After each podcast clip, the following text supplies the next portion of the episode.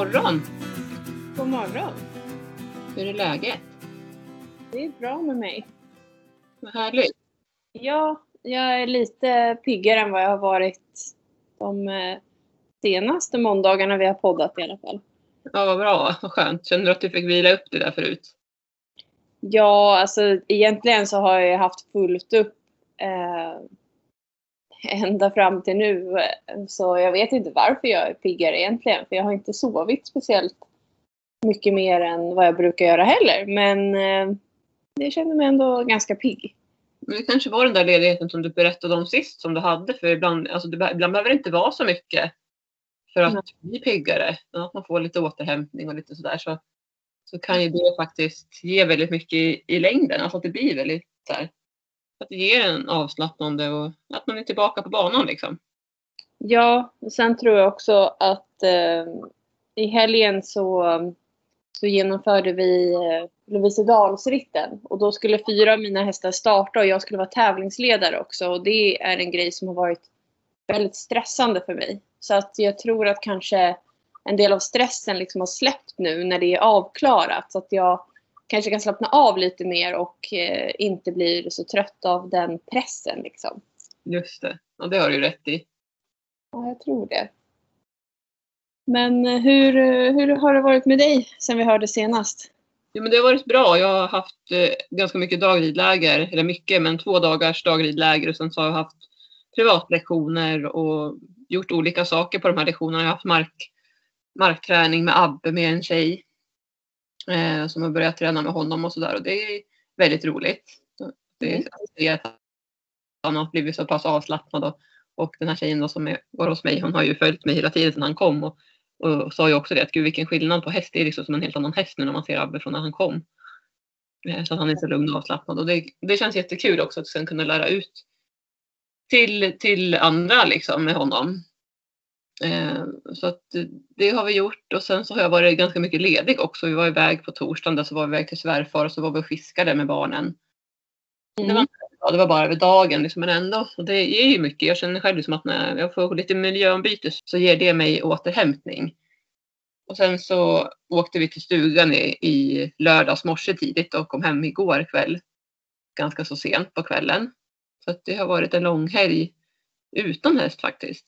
Väldigt lite annorlunda så här nu när man har varit hemma så himla mycket som vi har pratat om. Dels på grund av pandemin men också att man jag är ju mycket hemma med hästarna och Mm. jag tävlar ju inte och sådär som du gör utan det är ju hemma på gården liksom. Så att eh, det har varit skönt med lite miljöombyte. Och vi har ju haft jätte, jättefint väder verkligen. Jag hoppas att alla andra också har haft så här strålande sol och värme. Ja, det har ju varit en riktig sommarhelg. Ja, Men vem, vem tog hand om hästarna då? Eller var det någon som var hemma på gården? men det var ingen av oss som var hemma utan jag har haft min medryttare som varit här och passat hästarna. Mm. Plus att vi har ju våran foderautomat också som får gå ett par svängar där så att det har, det har gått bra. Men det har ju varit som sagt otroligt varmt så att de har fått kolla till så att de har haft flughuvudena kvar och lite sådana här saker. Jingis eksemtäcke sitter på plats. Och det är mycket sådana saker som framförallt med Jingi som har eksem också att det är lite saker som ska fixas med honom. Att han måste se till att täcket håller sig helt och Ja. att allas flughuvud sitter på plats. King hade tappat sin flughuva för han har ju så litet huvud och liksom den, även om jag hittat en bra flughuva så lyckas han ju få av sig det och det tycker inte jag är konstigt för att han är liksom bara ett år och väldigt lekfull och springer och busar. Så ändå, och han har bara haft av sig det en, en gång så det tycker jag faktiskt är bra. ja. Så, men det är alltid så här man ska pyssla och fixa innan man ska åka. För jag är väldigt noga där liksom. Det så ska man ju gå igenom. Nu har vi skaffat en ytterligare en foderautomat som, som var ny för henne. Så då skulle jag, gjorde jag en film på den och skickade. Så att hon skulle se hur man fixar ordning med den. Eh, och sen men fixa höpåsar och försöka förbereda så mycket som möjligt och fixa vatten och göra alla sådana saker. Spraya in dem med flugmedel innan man åkte. Och, ja, Mm. mycket liksom ändå innan man kan slappna av. Sen så är det ganska skönt faktiskt för vi har, vi har kameror också som är riktade på olika ställen på gården. Inte så att man ser exakt hästarna för de är ändå lite längre bort liksom. Men vi har ändå kameror så att man kan, om de står på specifika ställen så kan man se dem och det tycker jag är faktiskt jättebra. ja, det är en väldigt bra grej, tänker jag. Skulle jag också vilja ha. Ja, men det kan jag rekommendera för att även om man kanske inte ska vara borta så länge så då kan det ju vara skönt att bara gå in och titta till så att det verkar se okej ut. Och, och se att de har fått så här, maten och sådana saker eller vad det nu kan vara eftersom att vi har vår foderautomat ute. Vad är det för kameror ni har? Jag vet faktiskt inte men det kan jag, be, det kan jag fråga min man och så kan jag be återkomma om det. Mm. Kolla med honom och sen så kan vi lägga upp länken här. Om det är någon som vill få lite inspiration. Ja, bra.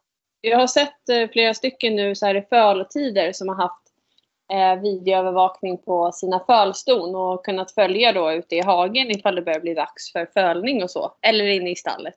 Jättebra. Men jag fick frågan av min pappa, men är det inte stressande att sitta och kolla på den där kameran? Nej, så jag, så jag går inte in hela tiden. Men det är klart att det kan väl bli det. Så här, framförallt kan jag tänka mig just under fölningstider. Att Mm. man går in och kollar jättemycket.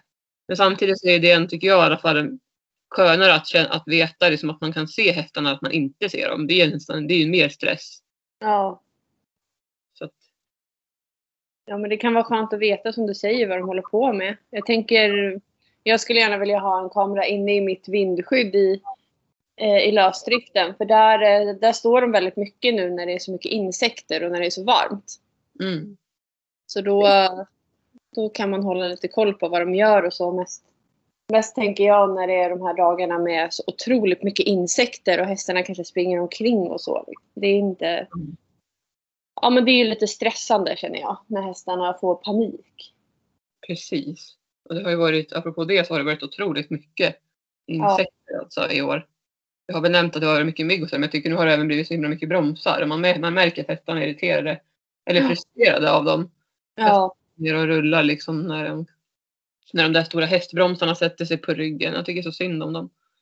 ja, jag har ju också flugtecken och så. Men någon, någon billigare variant. Jag tror flera av tecknen kommer från typ Ullared och sen har jag köpt några begagnade också. Så det är ju inga värstingtecken liksom. Men de funkar ändå för någorlunda skydd. Men Ja. de går sönder rätt så lätt. Eh, hästarna biter ju lite i varandras tecken då och då. Precis vad jag skulle säga, det är det som jag tycker är en utmaning. Ja. Jag har inte hittat någon som passar Abben heller. Nej. Så, och, och det är väl samma med King där. Jag har faktiskt inte tagit tag i det med honom. Det är svårt att hitta storlekar eller mått eller tecken som passar liksom den kroppsformen. Eftersom att Abbe som jag sagt tidigare att han är så kort i ryggen och ändå är liksom ändå 60. Och sen att, ja, men börjar, sen börjar han växa på sig också liksom över bringan och bogen och sådär så att han, han breddar sig lite. Mm. Så är det någon som har tips på bra tecken till PRR så får ni jättegärna skriva. Ja. Det är väl förhoppningsvis kanske någon har hittat något bra märke som funkar för en specifik ras. Eller hur? Sen är det förstås individuellt ändå, så är det ju. Ja, verkligen. Men det, det är lite samma problem som vi kan ha också med araberna. Att de är ofta ganska små över... Alltså de har inte så stort omfång vid bogen som många... Många tecken är ju ganska stora i bogarna. Ja, precis. Det är det faktiskt. Så det gäller att hitta något som är mera figursytt så att det inte blir att det liksom ligger och rör sig hela tiden. Ja, Men det tycker jag, jag tycker det är jättesvårt framförallt med flugtecken så här att de, de rör sig ofta lite och glider lite på snedden och så. Så får de ett litet skav fram på bogen och jag har ju många skimlar och de är ofta väldigt känsliga i, eh, de är skavkänsliga. ja, Så liksom får de de här svarta fula fläckarna framme på bogarna, eller på bogspetsen liksom. just det. Ja, men jag tänker det är så här pest eller kolera. De vill ju inte ha insekterna på sig heller så då får man ta att man får prova sig fram lite grann med täckena. Eller hur? Det är ju så. Alltså det, det är inte alltid lätt, men det, fi- ofta så finns en lösning. Och det Ja. kan ju vara bra som sagt att fråga andra som har samma ras eller hur man brukar göra så man kan hjälpa varann. Mm.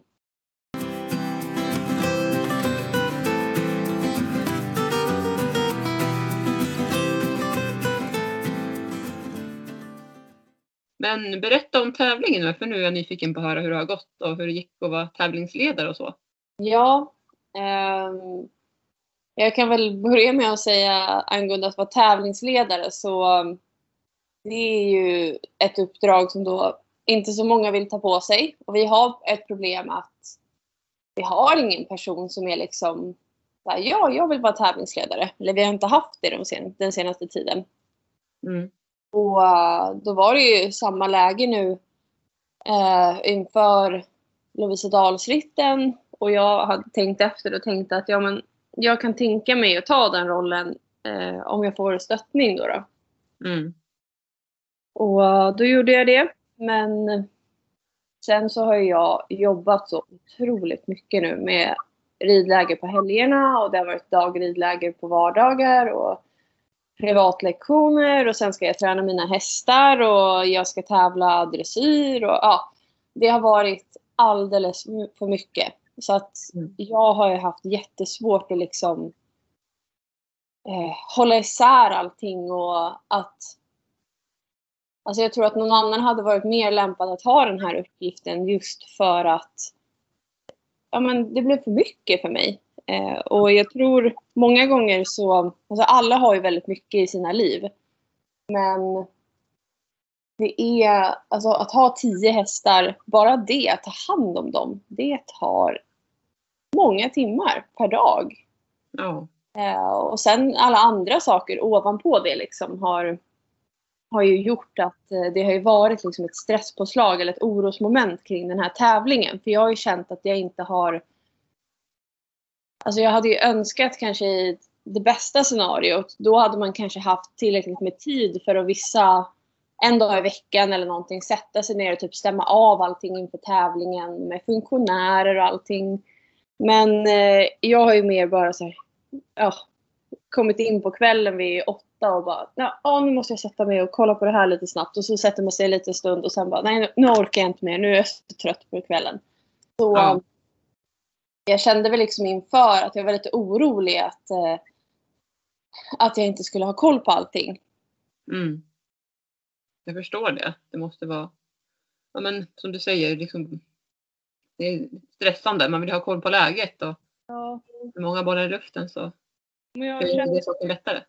det är så lätt också för, alltså jag gör ju det själv också. Man, om det är en person som säger så här, "Ja, men jag kan, jag kan göra det här. Och även om jag sa, jag vill ha hjälp. Så är det Mm. liksom svårt för andra att veta kanske exakt vad man ska hjälpa till med. Eller för mig att säga vad jag behöver hjälp med. För jag hade aldrig varit i den här rollen förut. Mm. Så, då blir det ju väldigt lätt så att alla andra bara tänker att ja, men Josefin fixar det där. Hon är tävlingsledare. Hon ska göra det Mm. där. Mm. Och sen vet jag inte exakt vad jag ska fixa. Så att det, jag tror att det blir, det blir väldigt lätt så. I, eh, alltså generellt när man arrangerar en tävling så, så är det lätt att en eller ett par personer kanske tar på sig att göra mycket. Men eh, jag känner liksom att min lärdom är att eh, framöver om jag ska vara mer engagerad i sånt här då kommer jag vara jättenoga med att delegera uppgifterna. Så att liksom andra personer får ansvarsområden som jag hade nu. Så att vi liksom Mm. delar upp det. Men eh, ja, så att så jag tror som sagt det har ju dels undermedvetet liksom stressat och, och gjort mig trött eh, inför den här tävlingen. Men eh, ja, det var en sak som jag hade glömt som var väldigt viktig och det kom väldigt nära in på tävlingen och var väldigt panikartat som, som jag bara behövde lösa. Så det var så sista typ stressutlösningen att jag bara nej, jag orkar inte mer liksom. Men det lyckades lösa sig, tack och lov. Så att tävlingen eh, gick att hålla och eh, på tävlingsdagen så så ska man ju ha massa olika funktionärer då i distansritt som har olika uppgifter. Och där tycker jag verkligen att alla, alla tog liksom sitt ansvar och de skötte sina olika områden jättebra. Mm. Så för mig så var det, alltså när alla väl hade kommit och fått sina instruktioner och så, så flöt det på. Och då var det inga konstigheter. Det var skönt. Ja, det var jätteskönt. Så att då kände jag verkligen att den här oron försvann. Att det kändes bara roligt och vi hade en jättehärlig dag. Ja, för det är också viktigt liksom i det här att kunna ha roligt som du säger. Att kunna slappna av och, och känna att man har koll på läget. För det finns verkligen inget mer stressande som du säger när, när det inte liksom blir som man har tänkt sig eller som säger man missar saker och så. så att det var ju verkligen skönt att det löste sig så att du kunde njuta också av, av det hela. Även om det är en stor, stor, eh, vad säger man? Apparat. Alltså det är en stor Ja. apparat. Drag liksom som du tog på dig där, som du fick. Ja. Mm. Men eh, jag och sen två till erfarna eh, som var mer erfarna arrangörer än mig, de, de hade ingen specifik uppgift på själva tävlingsdagen så att då kunde ju jag vända mig till dem eller de kunde stötta mig i att instruera funktionärer och sånt där. Så att då, ja men det blev jättebra tycker jag. Mm, vad kul. Mm. Och sen samtidigt då som jag skulle vara tävlingsledare här på tävlingen så hade vi fyra hästar från stallet som skulle starta. Ja, Ja, och vilka var det då? det var Caruso, Gamri, Orys och eh, Toppis. Mm. Ehm, och två av deras ryttare hade aldrig startat distansritt. Och en hade ridit en ritt och den fjärde har ridit, eller hade ridit två ritter innan. Mm. Så det var- Vad spännande då. De var Ja. taggade jag tänker, men de måste ju också vara lite nervösa.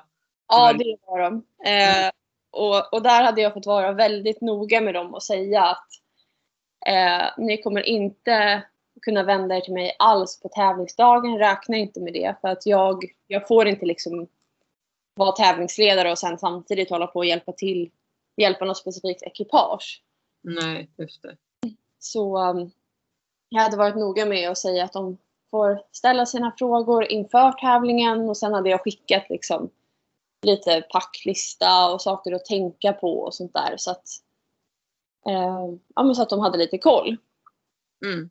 Men som du säger, de var ju lite nervösa och eh, ja, jag tycker ändå att de lyckades kontrollera sina nerver när väl tävlingsdagen kom. Mm. Och ehm, ja, alltså jag hade förväntat mig att Oris och Gamri skulle vara lite taggade för de brukar kunna vara så i, i starten. De är ju inte så erfarna och ehm, lite yngre. Ja, Så så jag hade liksom sagt att de, mitt gäng skulle rida sist ehm, så att de inte blir passerade av massa hästar för att det är ett moment som är väldigt stressande för hästarna. Eh, och har man en häst som är väldigt taggad och så kommer det liksom hästar och typ travar om. Då kan man hamna i en ganska svår situation för att hästen gärna vill springa med och så bromsar man och då kanske den bockar eller liksom börjar med annat istället. ja. De blev godkända i besiktningen inför tävlingen och sen när de väl fick startsignal så väntade de då tills de andra i samma klass hade ridit iväg. Och då så skrittade de ut. Eh, och det var jätte, jättelugnt i starten. Hästarna var super, superlugna. Men sen hade tydligen eh, Oris hade blivit taggad i början på ritten för att då när de hade ridit en bit så, så kom de så pass att de kunde se några hästar framför. Och då blev han väldigt exalterad och liksom ville springa ikapp dem och sådär. Men Saga som red på honom känner honom väldigt väl så hon visste exakt hur hon skulle rida och få honom att koncentrera sig på henne och använda energin till att liksom kanske böja och ställa eller flytta lite fram och tillbaka över vägen istället. Så det var väl det enda som, eh, som de hade eh, ja, som lite utmaning eller att jobba med i början. Och det var bara en väldigt kort stund. Det var ju jättebra ändå får man ju säga verkligen. Verkligen. Och ändå så här fyra hästar liksom. Och, och som du sa, att några hade ju aldrig startat och några har startat några enstaka gånger. Så att det var ju verkligen superbra. Ja, och så grattis till alla om de lyssnar på det här. Så. Bra jobbat. Ja. Eh, och de skulle rida fyra mil. Och uh, det, efter första slingan så... Um, alltså det, var ju, det var ju typ 28 grader varmt åtminstone igår. Det var ju supervarmt och strålande sol. Ja, Så uh, det var ju ganska tuffa väderförhållanden får man säga. ja verkligen.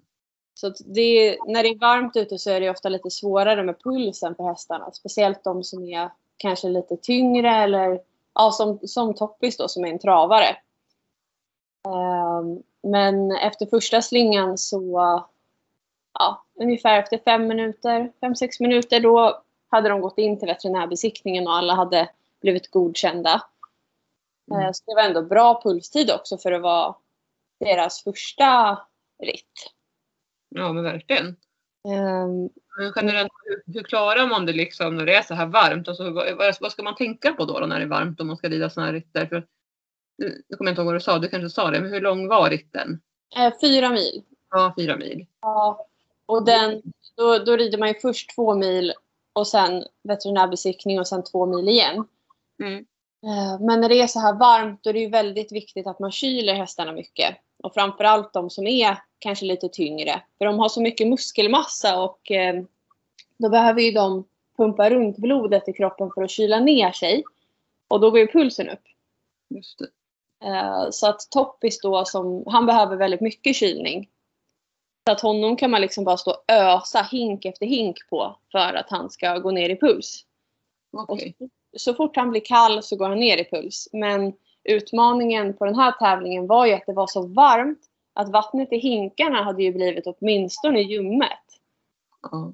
Så att då blev det ju inte, alltså hade det, har du kallvatten då blir det ju som en chock för kroppen och bara så här, slappnar de av direkt typ. Ja. Ja, Så att det, det var ju lite av en utmaning också den här dagen. Mm. Så uh, många hästar hade kanske lite längre pulstider än vad de brukar ha. Mm. Men, eh, men de klarade i alla fall första kontrollen och sen så fick de gå ut på sista slingan och då hade jag sagt till dem att de behövde rida snabbare för de red så långsamt på första slingan. Mm. Så ja, sen kom de i mål och då tog de längre tid på sig att pulsa ner för att eh, framförallt Toppis då hade han hade lite problem med pulsen, det gick upp och ner och eh, som sagt han är ju en annan ras som har lite tjockare hud och då sen också den här, mus- den här muskelmassan han har gör ju att det, det blir svårare för honom att kyla ner sin kropp när han blir varm. Just det. Så han behövde mycket kyla. Ehm, Men det var ju väldigt nervöst då när de skulle gå in. För att klarar de inte pulsen så blir man ju utesluten liksom, och då, då får man inget godkänt resultat. Mm.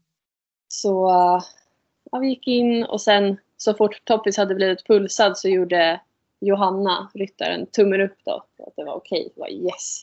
De kunde slappna av lite. Och sen så ska de ju då genomföra resten av kontrollen.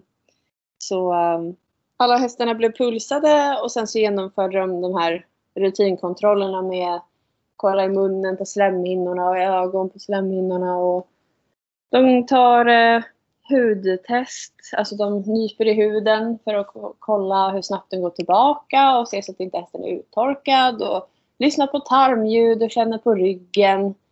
Kanske känner på benen. Uh, ja, och sen så får man ju trava då.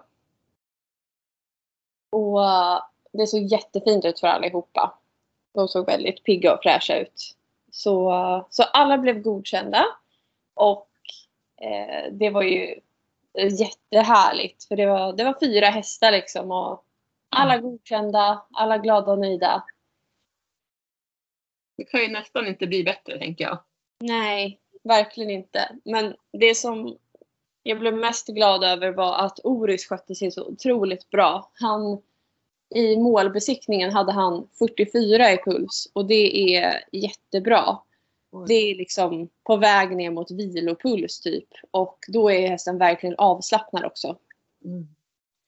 Och med tanke på att jag för typ två år sedan trodde att han skulle, eller jag sa att han kommer aldrig bli en tävlingshäst. Men har jag tur kanske jag kan rida på honom hemma eller liksom hålla på med någon frihetsdressyr eller så. Mm. Och det har ju verkligen... Där, där hade jag jättefel. Ja. För nu har han visat sina, sin talang och jag tror att han kan bli en riktigt bra tävlingshäst faktiskt. Gud, så himla kul. Ja, Jag vet att vi har ju pratat om honom och liksom ja. om hans resa och det är så inspirerande att höra. Och där, det säger ju faktiskt väldigt mycket att man inte ska ge upp om en häst utan att man faktiskt och också att allting kan hända liksom. Även om häst har mycket nerver och, och han har ju verkligen varit liksom en speciell. Han är en speciell häst fortfarande. Alla hästar är ju speciella liksom men han har ju verkligen blivit lugn. Eller liksom han, han, han börjar känna sig trygg tror jag. Han vet han kan börja känna igen sig i, i tävlingssammanhangen också. För att nu har ni varit iväg på några stycken. Ja. ja, det här var hans tredje tävling och Ja. första eh, då var han ju liksom lite, lite mer uppe i varv. Eh, och andra tävlingen var ju han också lite mer taggad ute på banan och så men den här tävlingen skötte han sig verkligen helt perfekt. Mm. Det alltså, att de blir taggade i starten och så när de ser andra hästar.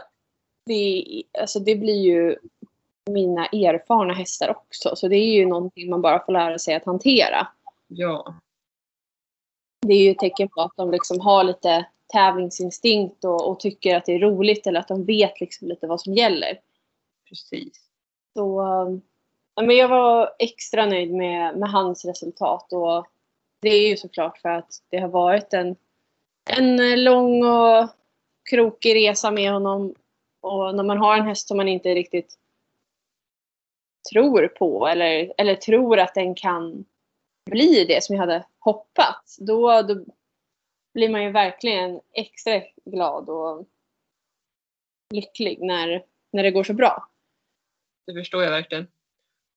Återigen, bra jobbat där med, med hans träning. För att det, som du säger, det har, han har inte varit lätt, en lätt häst om man säger så. Nej.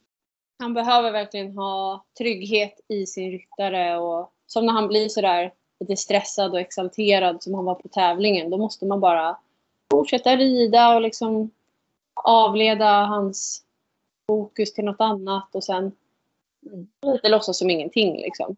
Mm. Men eh, sen Gamri, han är också, eh, han har inte gått jättemånga tävlingar men, men lite, fler än Orus har han gjort.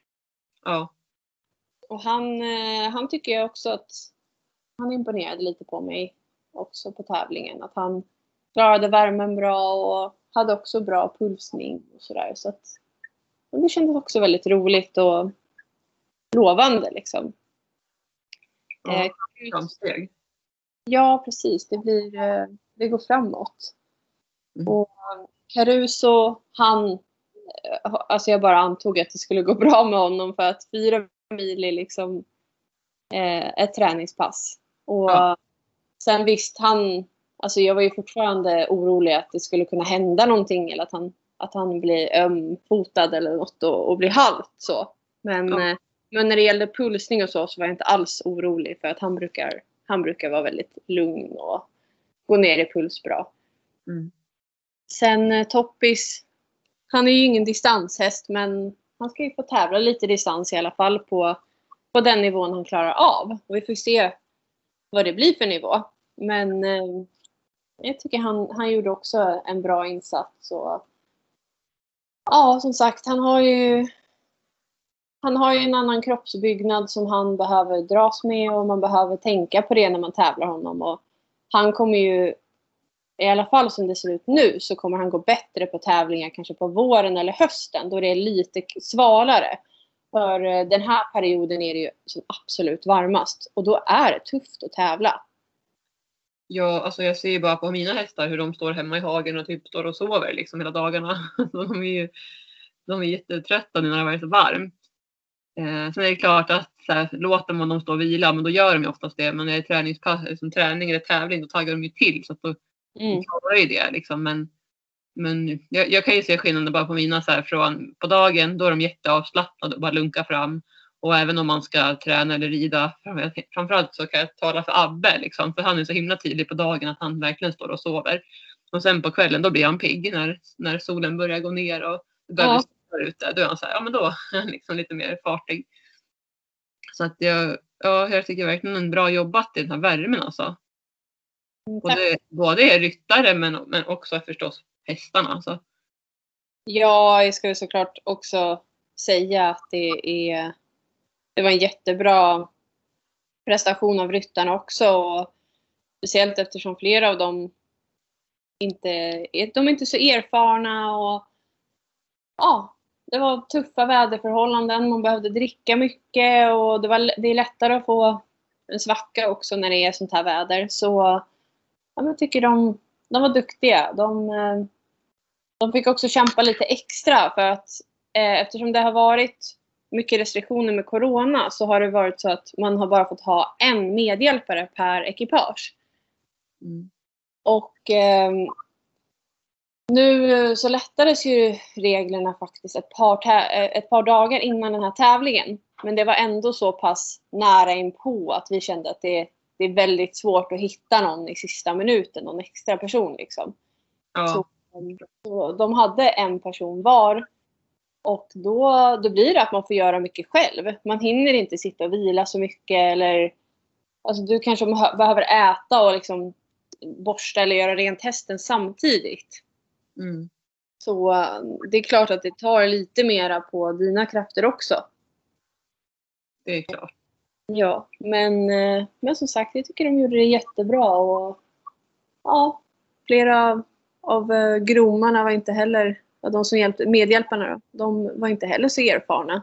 Har inte varit med så mycket. Det var en som, som aldrig har varit med heller. Och, ja, som sagt, jag tycker det var väldigt bra ändå.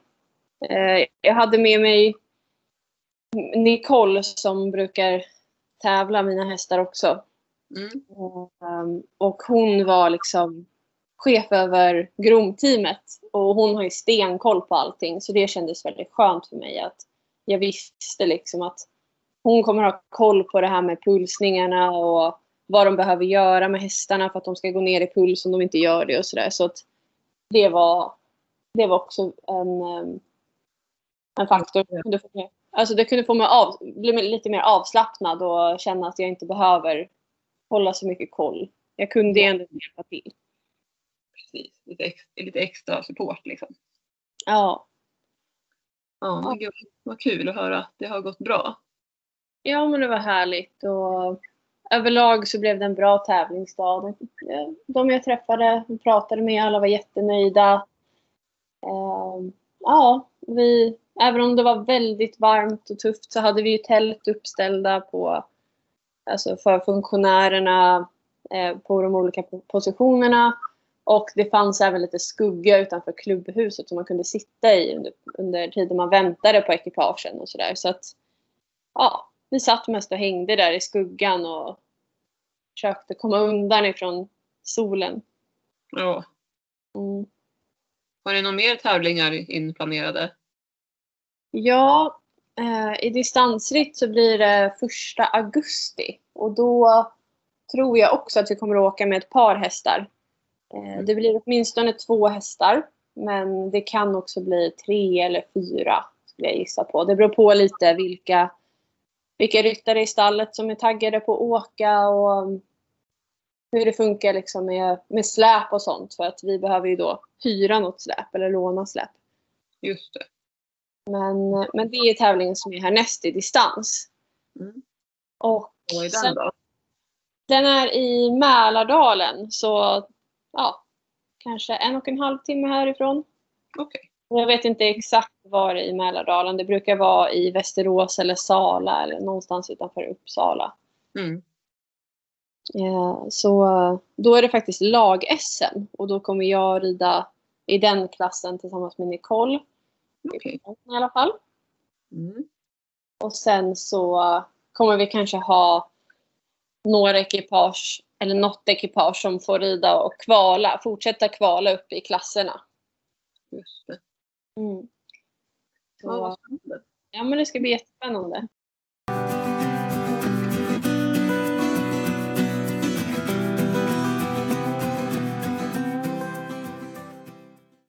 Sen eh, så har vi nu i helgen en eh, dressyrtävling för mig och Saga och fyra stycken av hästarna.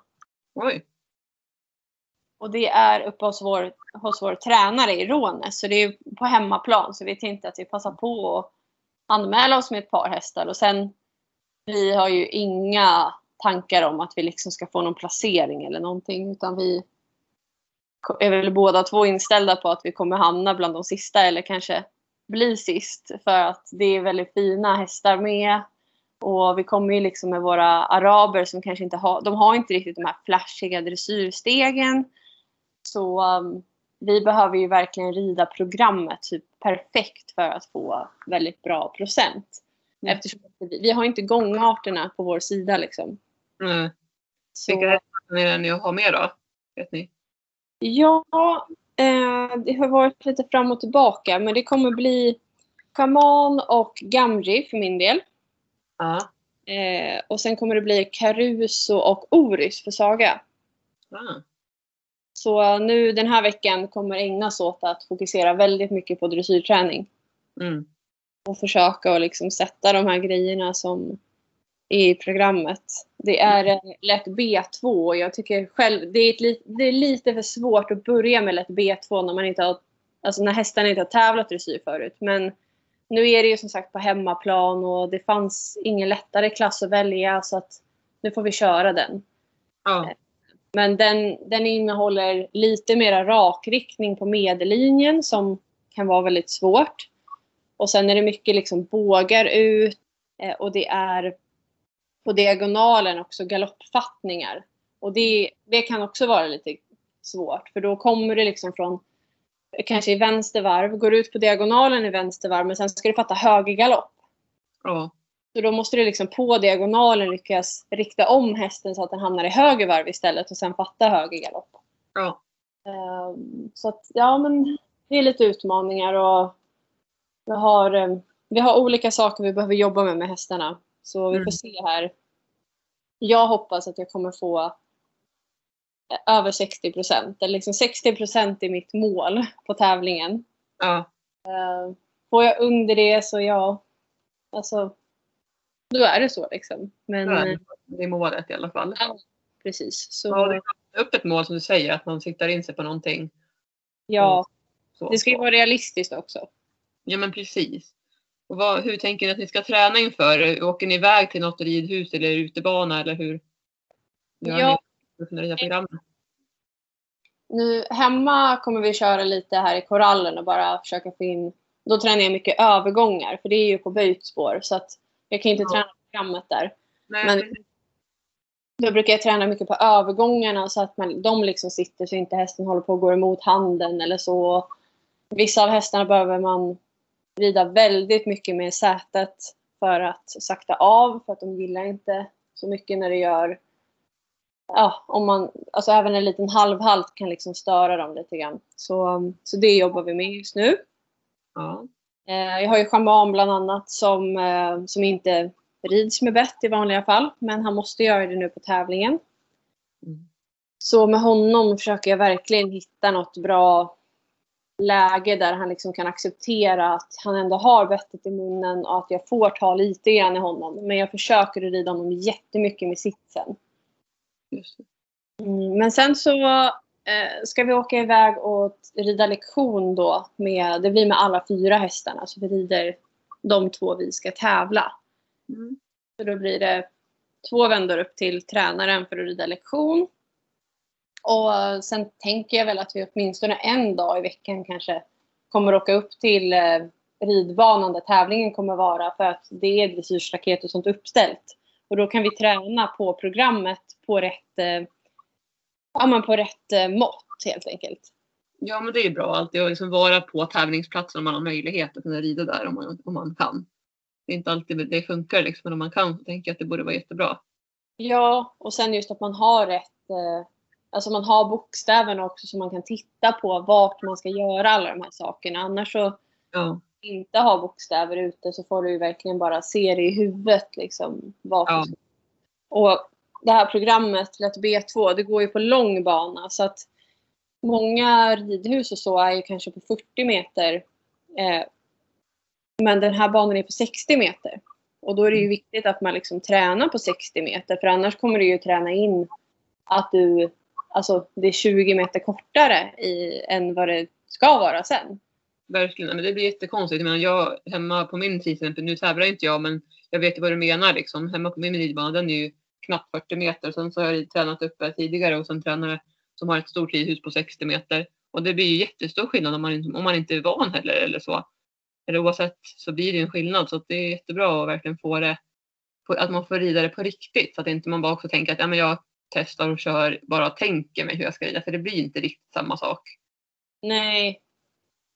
Och, alltså man behöver ju få programmet att sitta i ryggmärgen för att det är svårt. Det är, på 60 meter bana är det många bokstäver och jag Mm. försöker liksom att tänka eh, kombinationer med bokstäverna. Typ om jag ska, det är en, eh, en diagonal vi ska göra är HTP och då tänker jag Harry Potter.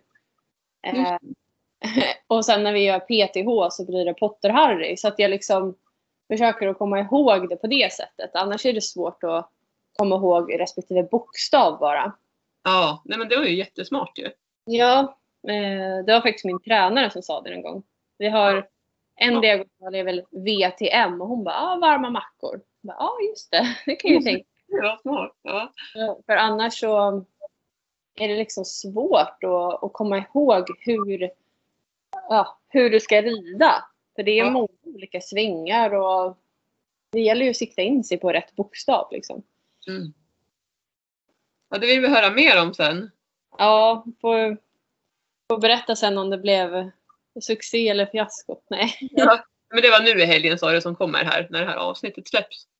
Ja. Ja, precis. Så um, det är väl, ja, jag rider ju då schaman och gamji. Och schaman, där är utmaningen att eh, han ska vara nöjd med bettet framför allt. För om han inte är det och håller på liksom sticker ut tungan och så, då kommer vi få mycket avdrag på det. För då brukar det stå att hästen inte är harmonisk i munnen. Mm. Så det är väl en grej som jag vet inte hur det kommer vara. Det beror på. Är han jätteexalterad och liksom uppe i varv, då brukar tungan åka ut mer. Så att vi får se. Sen eh, med Gamji så är det väldigt så här, han är från dag till dag. Alltså han kan ha en jättebra dag. Eller så kan han ha en dag då han är så här, nej jag vill inte. Han är ju lite i tonåren liksom. Mm. Så eh, har han en bra dag då kan det bli riktigt bra tror jag. Men eh, har han en mindre bra dag så vi, vi vill ju liksom inte ha några diskussioner inne på banan utan vi behöver liksom avklara det då innan. Ja, verkligen. Ja, så eh, ja, som sagt vi får, vi får se lite. Får hålla tummarna men det ska ändå bli spännande att göra debuten i dressyr Mm. för, för det här året. Eh, jag har faktiskt tävlat schaman i alla fall en gång förut i dressyr. Men Gamji har jag aldrig startat. Så det blir debut överhuvudtaget för oss. Det var roligt. Mm. Ja, vi får höra mer om det nästa avsnitt då kanske. Ja, Ja. det gör jag. Ska vi säga så för den här veckan? Ja, det tycker jag. Då får alla ha en ja, fin fredag när det här avsnittet släpps och en fin helg sen också då. Och du får lycka till på tävlingsbanan igen. Ja, vi får hålla tummarna. Ja, och kul att ni gör lite olika saker och att tävlingarna är lite olika, både distans och nu dressyr. Ja, bra. ja, det är en omställning. Men vi säger så, ha det så bra allihopa. Ha det så bra. Kram, kram. Kram, kram. Hej då! Hej då!